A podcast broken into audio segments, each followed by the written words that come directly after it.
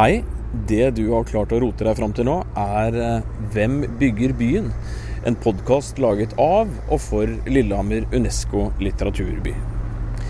Hva gjør en by bra å bo i? Ikke bare for regnskapsførere og bilselgere og kommunalt ansatte, men også for folk som lever litt utafor løypa. Si hvis man er en religiøst anlagt, storrøykende, ferm småbarnsmor med internasjonale forfatterambisjoner, f.eks. For i år er det 100 år siden Sigrid Undset kom flyttende til Lillehammer. Og Grunnen til at hun valgte seg en småby ved nordenden av Mjøsa, og ikke Roma eller København, det var at hun trengte et sted å slå rot. Et sted der hun kunne jobbe i fred. Hvordan forholder det seg med disse tinga i dag? Fortoner byer som Lillehammer seg som et provinsielt skrekkscenario for kreative mennesker? Eller har byen fortsatt de samme grunnleggende kvalitetene som den hadde da Undset valgte å flytte hit for 100 år siden? Det skal som vanlig handle om byer, og hva som gjør byer bra å bo i, her i podkasten Hvem bygger byen? Der vi i dag skal inn en dør, bort en gang og inn på et kontor på Lillehammer kunstmuseum. Jeg heter Cecilie Skeide, er kunsthistoriker ved Lillehammer kunstmuseum. Og nå har jeg fått den store glede av å lage en utstilling som omhandler Sigrid Undset. Hennes smak, hennes hjem, hennes kunstinteresse. Og alt dette finnes i en labyrintisk utstillingsform i Kunstmuseet i disse dager. Men hvilken by var det Sigrid Undset kom til da hun eh, gikk av toget her i, i 1919? Da kom hun til en bitte liten by. Eh, men det rare er at i denne bitte lille byen så var det mange store kunstnere. Mange hadde vært der før henne. Mange hadde begynt å bosette seg her og skape egne kunstnerhjem. Så det var rett og slett et stort miljø i en bitte liten by. Og det var en kjøpmann her som var ganske relevant, Einar Lunde, som da rett og slett skapte Norges første og største arts and crafts-bedrift og produserte spesialdesignede møbler forankret i Gudbrandsdalens eh, bondekulturskikk. 1700-tallsmøbler han fant på Maihaugen, og inviterte inn kunstnere som designet da, eller ga møblene ny design. Og Sigrid Undset, tett knyttet til kunstnere og kjøpmann Lunde, ervervet alle møblene sine, nærmest alle møblene sine til sitt hjem på Bjerkebekk. Her må vi fram med jukselappen litt, for Arts and Crafts, eh, hva er det? Det er en eh, bevegelse som egentlig begynte i London som en reaksjon på den økende gryende industrien.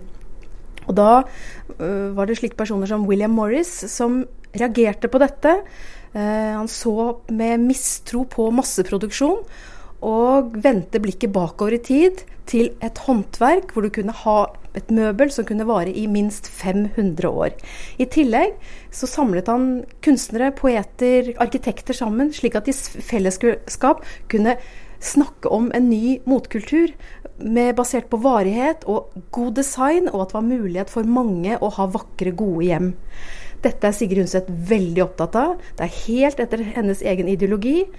Hun ville ha ting rundt seg som hadde en historie, og gjerne 500 år gammel historie. Det høres jo litt ut som landsmøtet til MDG, dette. Det er litt sånn hipsterkjørpreg? Men det er eh, brennaktuelt. Og Sigrid Undset er også faktisk en stemme vi trenger i vår tid. Sigrid Undset, det var ikke bare den tingliggjøring i samfunnet hun reagerte mot, men, men, rett og slett den individualismen som hun så rundt seg overalt. Og det tenker jeg kanskje også en av grunnene til at hun blir religiøs eller katolikk. Det er for at hun, og, og så opptatt av middelalderen. Det er fordi at hun mener at det er, det, det, det er mangelvare i vårt samfunn. Vi går alle hvert til vårt og tenker på meg og mitt. Mens hun mente at vi må gå sammen for å skape en god hverdag og liv for oss alle. Ok, Så hun kommer til en liten by, men ja. det, er mye kunstnere her. Og så har du denne supertrendy eh, motkulturen, arts and craft. Mm. Den er tilfeldigvis veldig godt representert i denne lille byen. Ja. Det var mange sånne små komponenter som falt sammen her. Ja, men det er det. Det, altså det, det er det jeg mener. At Lillehammer var et veldig lite sted, men med veldig mange betydelige personer. Og det hadde vært et sted å reise til for mange i flere år, med Bjørnson kanskje som den første ideologen. Men, men det er et, et arnested for produktivitet. Og det ser vi i litteratur, og du ser det i mye kunst, men også arkitektur og kunstindustri. Og Maihaugen ligger jo som et bakteppe her. Det er også tiden mot unionsoppløsning, altså rundt århundreskiftet, hvor folkemuseene vokser og øker. Og eh, nasjonal identitet er et sånt interessefelt for mange akademikere og kunstnere på den tiden. De går i samlingene og ser på hva fortidens hender har skapt. Og det har stor verdi i dag. En av yndlingskunstnerne til eh, Sigrid Undset heter Gerhard Munthe. Og han så på norsk bondekultur, primært fra middelalder, og finner ut at i middelalderen så var det også en helt spesiell måte å lage farger på. Og den, de fargene han fant da, observerte middelaldergraver f.eks., når de begynte å grave ut dem, eh, at, at, spesielt potteblått, sjøgrønt og høyrødt, det var helt spesielt sånn, hadde en nasjonal fargefølelse som han da hentet frem og puttet inn i sine egne både malerier, men også interiører og produksjon av møbler.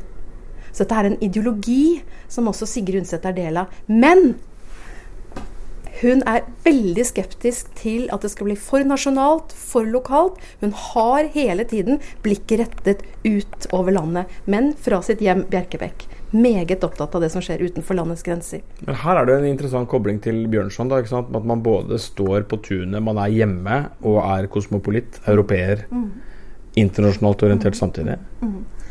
Ja, hvis du ser i Europa europeisk sammenheng, så er dette også en trend. Å flytte ut av storbyene, skape seg sine kunstnerhjem som blir et representativt bilde av deg selv. Det er jo også tiden for å åpne opp hjemmene. Flere av forfatterne gjør jo det for å ha hjemme hos-reportasjer helt tidlig. Hjemme hos-reportasjen Hamsun, Bjørnson. De har jo Altså det, det blir et, et, bilde på hele ideologien de representerer. Så dette er en trend i tiden. Du ser det alle, alle, disse hjemmene er jo museer i dag, og det er veldig sjelden de ligger midt i byer. Du må litt ut i Distrikts-Norge. Så det er en trend. Utstillingen her heter 'Å gjemme seg'. Hva er bakgrunnen for det? Der hjalp Sigrun oss.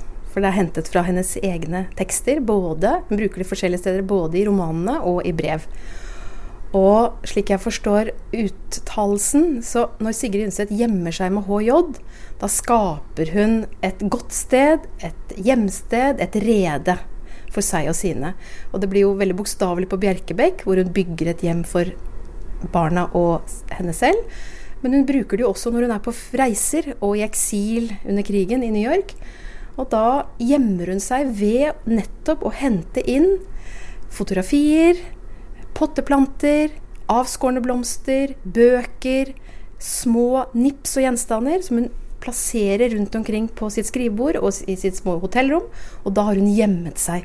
Og det er, det er positivt fortegn, for det er et godt sted å være. Men det har et sånt dobbelthet også, fordi at hun etter hvert som hun blir verdenskjent nobelprisforfatter, så kommer det mange som vil se på henne og møte henne og besøke hjemmet. Og da gjemmer hun seg med GJ og, og bygger et gjerde rundt tomten. Bjerkebekk. Sigrid Undset bosetter seg da i denne lille byen. Hun føler ikke at hun går glipp av noe, da? Jo, brev eh, beviser at hun da at hun føler seg noen ganger avsondret. Og skulle ha vært i hovedstaden og fått med foredrag, men hun er mye på farten. Hun korresponderer mye. Hun har sine informanter. Så det er todelt. Men hun vil, hun merker jo at hun får ro til å skrive, og hun merker at det er godt for familielivet. Hun er mot mor til tre barn, og der får hun et liv som hun da ikke kunne ha klart i Oslo, kanskje. Så det er en dobbelthet, det er en sårhet om at hun er utenfor, men samtidig så ønsker hun jo også å være akkurat der hun er for å arbeide. Men som sagt, reiser ofte utenlands og har mye kontakt i sentrale strøk. Hun er jo leder av Norges Forfatterforening, og da er det jo mye møtevirksomhet, f.eks. Utstillingen er hybrid, for det er litt av hvert. Det er både kunst, kulturobjekter, fotografier, og så er den iscenesatt på en helt spesiell måte. Eh, for tidlig i prosessen så merket vi jo at det er en utstilling som skal fortelle mye. Litt om Sigrid Undsets kunstsmak. Vi er i et kunstmuseum. Det skal fortelle litt om Bjerkebekk. Men det er jo ikke noe vits å lage Bjerkebekk her nede. Det finnes jo ikke langt unna. Men det handler mye om hva slags smak hun hadde interiørmessig. Hva slags trender er det hun omgir seg med. Og litt biografisk materiale frem i tid, i den perioden hun flytter til Lillehammer, og helt til hun dør.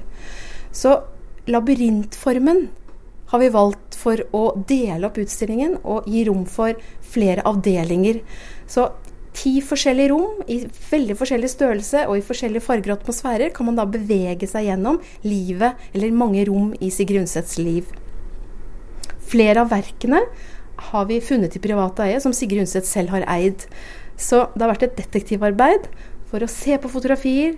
Hva har hun likt? Hva har hengt der? Hva henger ved siden av? Kan det finnes i dag? Vi har funnet malerier i, i private eie i København som hun har eid.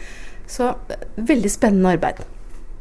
Hvordan klarer man den balansen mellom å skape seg et hjem og en, et, et, tilholdssted på jorda, og unngå å bli provinsiell? Unngå å bli liksom Å forsvinne bak hekken der? Som en sånn uh, besteborger? Når det gjelder Sigrid Undset, hvis du besøker hjemmet Bjerkebekk, så vil man se at hele verden er på Bjerkebekk. Kanskje aller mest i bokhyllene. Hun fulgte med, hun leste, kunne mange språk, så hele verden befinner seg på Bjerkebekk. Hun fulgte med. Men hun var også veldig opptatt av ting og smak. Og det er helt tydelig at hun kjøper ting som andre har holdt i tidligere. Så der ligger det en sånn ideologi, kall det konservatisme. Men for Sigrid Undset så handler det om alle de tingene hun omga seg med, har hun da også hatt et nært forhold til. Hvis du leser romanene med det perspektivet, hva slags ting er det hun har eid, så ser du at hun bruker det aktivt også i sine bøker. Altså Hun spiller på objektet hun har rundt seg. Og når man går inn i hovedstuen på Bjerkebegg, så er det som å komme inn i en middelalderstue. Så er, hun iscenesetter jo helt forskjellige rom på Bjerkebegg, og kanskje ut fra altså, interessene hun er da øh, opptatt av i samtiden.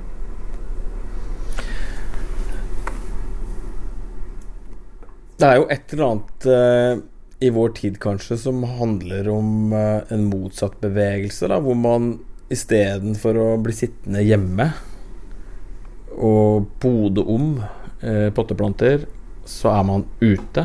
Man er ute i verden. Man er kanskje ikke Man hører ikke til noe sted i det hele tatt, kanskje. Um, at dette her livet bak gjerdet blir veldig begrensende. Det er eh, et, kanskje et eller annet i vår tid som, som gjør at det framstår som et litt sånn merkelig valg, da. Kunne vi sett for oss at en, en, stor norsk forfatter hadde tatt det samme valget, gått av toget på Lillehammer og, og sagt at her blir jeg de neste 40 åra? I dag? Ja, men det tror jeg faktisk. Og i forbindelse med dette arbeidet så har jeg jo lest mye interiørblader og interiørblogger osv. Og, så og der er det jo så mye å gjemme seg. Det, det, det er jo kjempeaktuelt. Folk ønsker jo å skape ulike reder. Eh, man ønsker å, å, rekonstruere eller bygge opp og pusse opp gamle hus. Folk kjøper jo mer og mer utenfor byen nettopp fordi det er for dyrt å bo i byen. Men også leiligheter. Jeg ser en endring fra det å hele tiden tenke at en leilighet skal males hvitt, og det skal være møbler alle andre har, fordi at det skal kanskje bli solgt om to måneder. Den der voldsomme sånn skifte. Det, det, det, det, merket er i ferd med å, å, vike, til fordel for et bærekraftig eh, perspektiv. Eh, og i den sammenhenger så kommer jo også Sigrud Undse på banen, som da har en hage, dyrker sin mat, gror sine grønnsaker. Og, og, og, lagrer det året rundt. Men det er klart alle har ikke mulighet til å bo i en tømmervilla med kjempehage. Eh, selv om det er utenfor Oslo bykjerne. Slik at det er jo et privilegert ståsted. Men jeg syns at jeg merker en mottrend i dag fra forbruk og bytte av varer, leilighet, eh, mot det mere Du ønsker å ha et sted du kan sette et eh, fingermerke på. Et avtrykk. Det er påfallende å lese Sigrid Undsets romaner i lys av det arbeidet jeg har gjort, nettopp med å se på interiører. Fordi at romankarakterene de beskrives nærmest ut av de ulike interiørene de vokser ut av. De bærer det med seg hele livet. Og det, det, er, det er en underliggende ideologi Sigrun Sæther har, og hun skriver det jo helt uttalt at for å kunne ha det godt, for å kunne vokse, så må du sette røtter for, for å få det gode startpunktet for å gro. Og du, og du, må heller ikke rykkes opp for mange ganger, for da kan du bli stedløs og, og forvirret, forvirret. Hun uttaler jo dette her. Slik at omgivelsene du vokser ut av, bærer du med deg hele livet. Og det er viktig å slå røtter for å kunne hvile og for å kunne være produktiv. Vi trenger å høre til. Vi trenger å høre til. Men når jeg hører ordet sånn interiørblogg, da begynner jeg å fnise litt. Grann. Ja. Jeg ser jo på det som noe som litt overfladisk, noe som litt uh, Hva skal man si? Noe som er litt sånn uh, unødvendig. Mm. Men her, på denne utstillinga her, og ut fra det du forteller, så er man jo langt inn i filosofien når man snakker om interiør? Ja, og vi har valgt et spesielt tapet i utstillingen. Og det er den tapeten som går mest igjen i dagens interiørblogger. Og det er William Morris tapet Pimpernell, som er produsert på midten av 1800-tallet i England i originalt. Etter, og det er veldig mange ulike interiørblogger. Og hvis du leser kanskje spesielt svenske, så har de dette, hele Sigrunset-perspektivet i ganske lange artikler under masse bilder. Med LK og ideologi knyttet til hva et hjem skal være, og et hjem skal være skjønt for alle. Hva gjør det med oss som mennesker, da? For det er vel det som er litt av kjernen her, er det ikke det? At disse tingene, miljøene vi går i, huset vi vokser opp i, og, har, og byen som vi har et forhold til og røtter i, at det gjør noe med oss. Noe fundamentalt som mennesker. Det må jo være et slags poeng. Ja, og som kunsthistoriker er jeg jo svært opptatt av estetikk. Og forskning viser at gode arkitektoniske bygg laget med nydelige materialer, der er det mye mindre hærverk enn i bygg som er laget med kanskje mindre kjærlighet.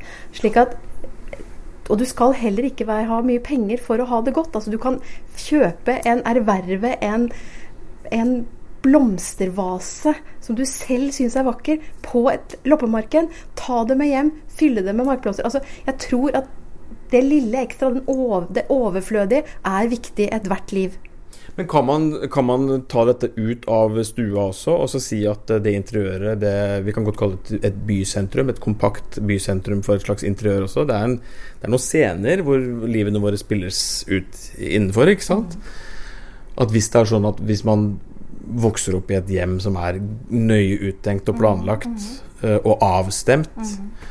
Så vil det også bety at det å vokse opp i en by som ser bra ut, som er godt planlagt, som, som har historie og, og, identitet, at det også er viktig.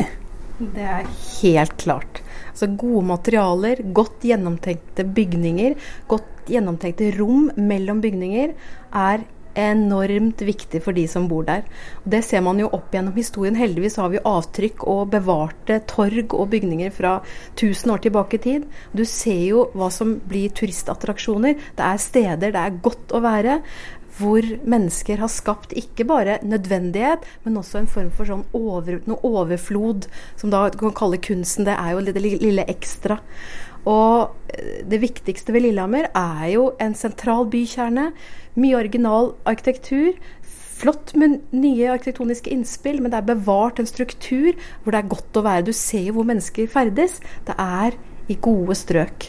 Og det å vise omsorg for et hjem Du ser jo så godt hvor noen har lagt ned noen tanker og, og kjærlighet i et hjem hvor du vil gjemme deg, hvor du vil gro, i motsetning til der du bare skal selge et objekt eller uh, forte deg videre. Eller et sted hvor du rett og slett har det vondt. Da. Det har jo enormt mye å si.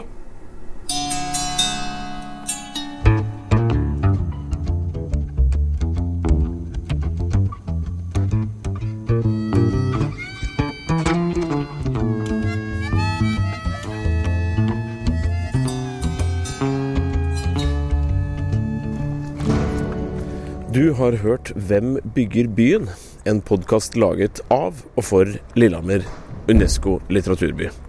Musikken du hørte, var laget av Øyvind Blikstad. Jeg heter Olav Brostrup Müller. Og du, legg bort dette her, og ta deg en tur ut i byen, da.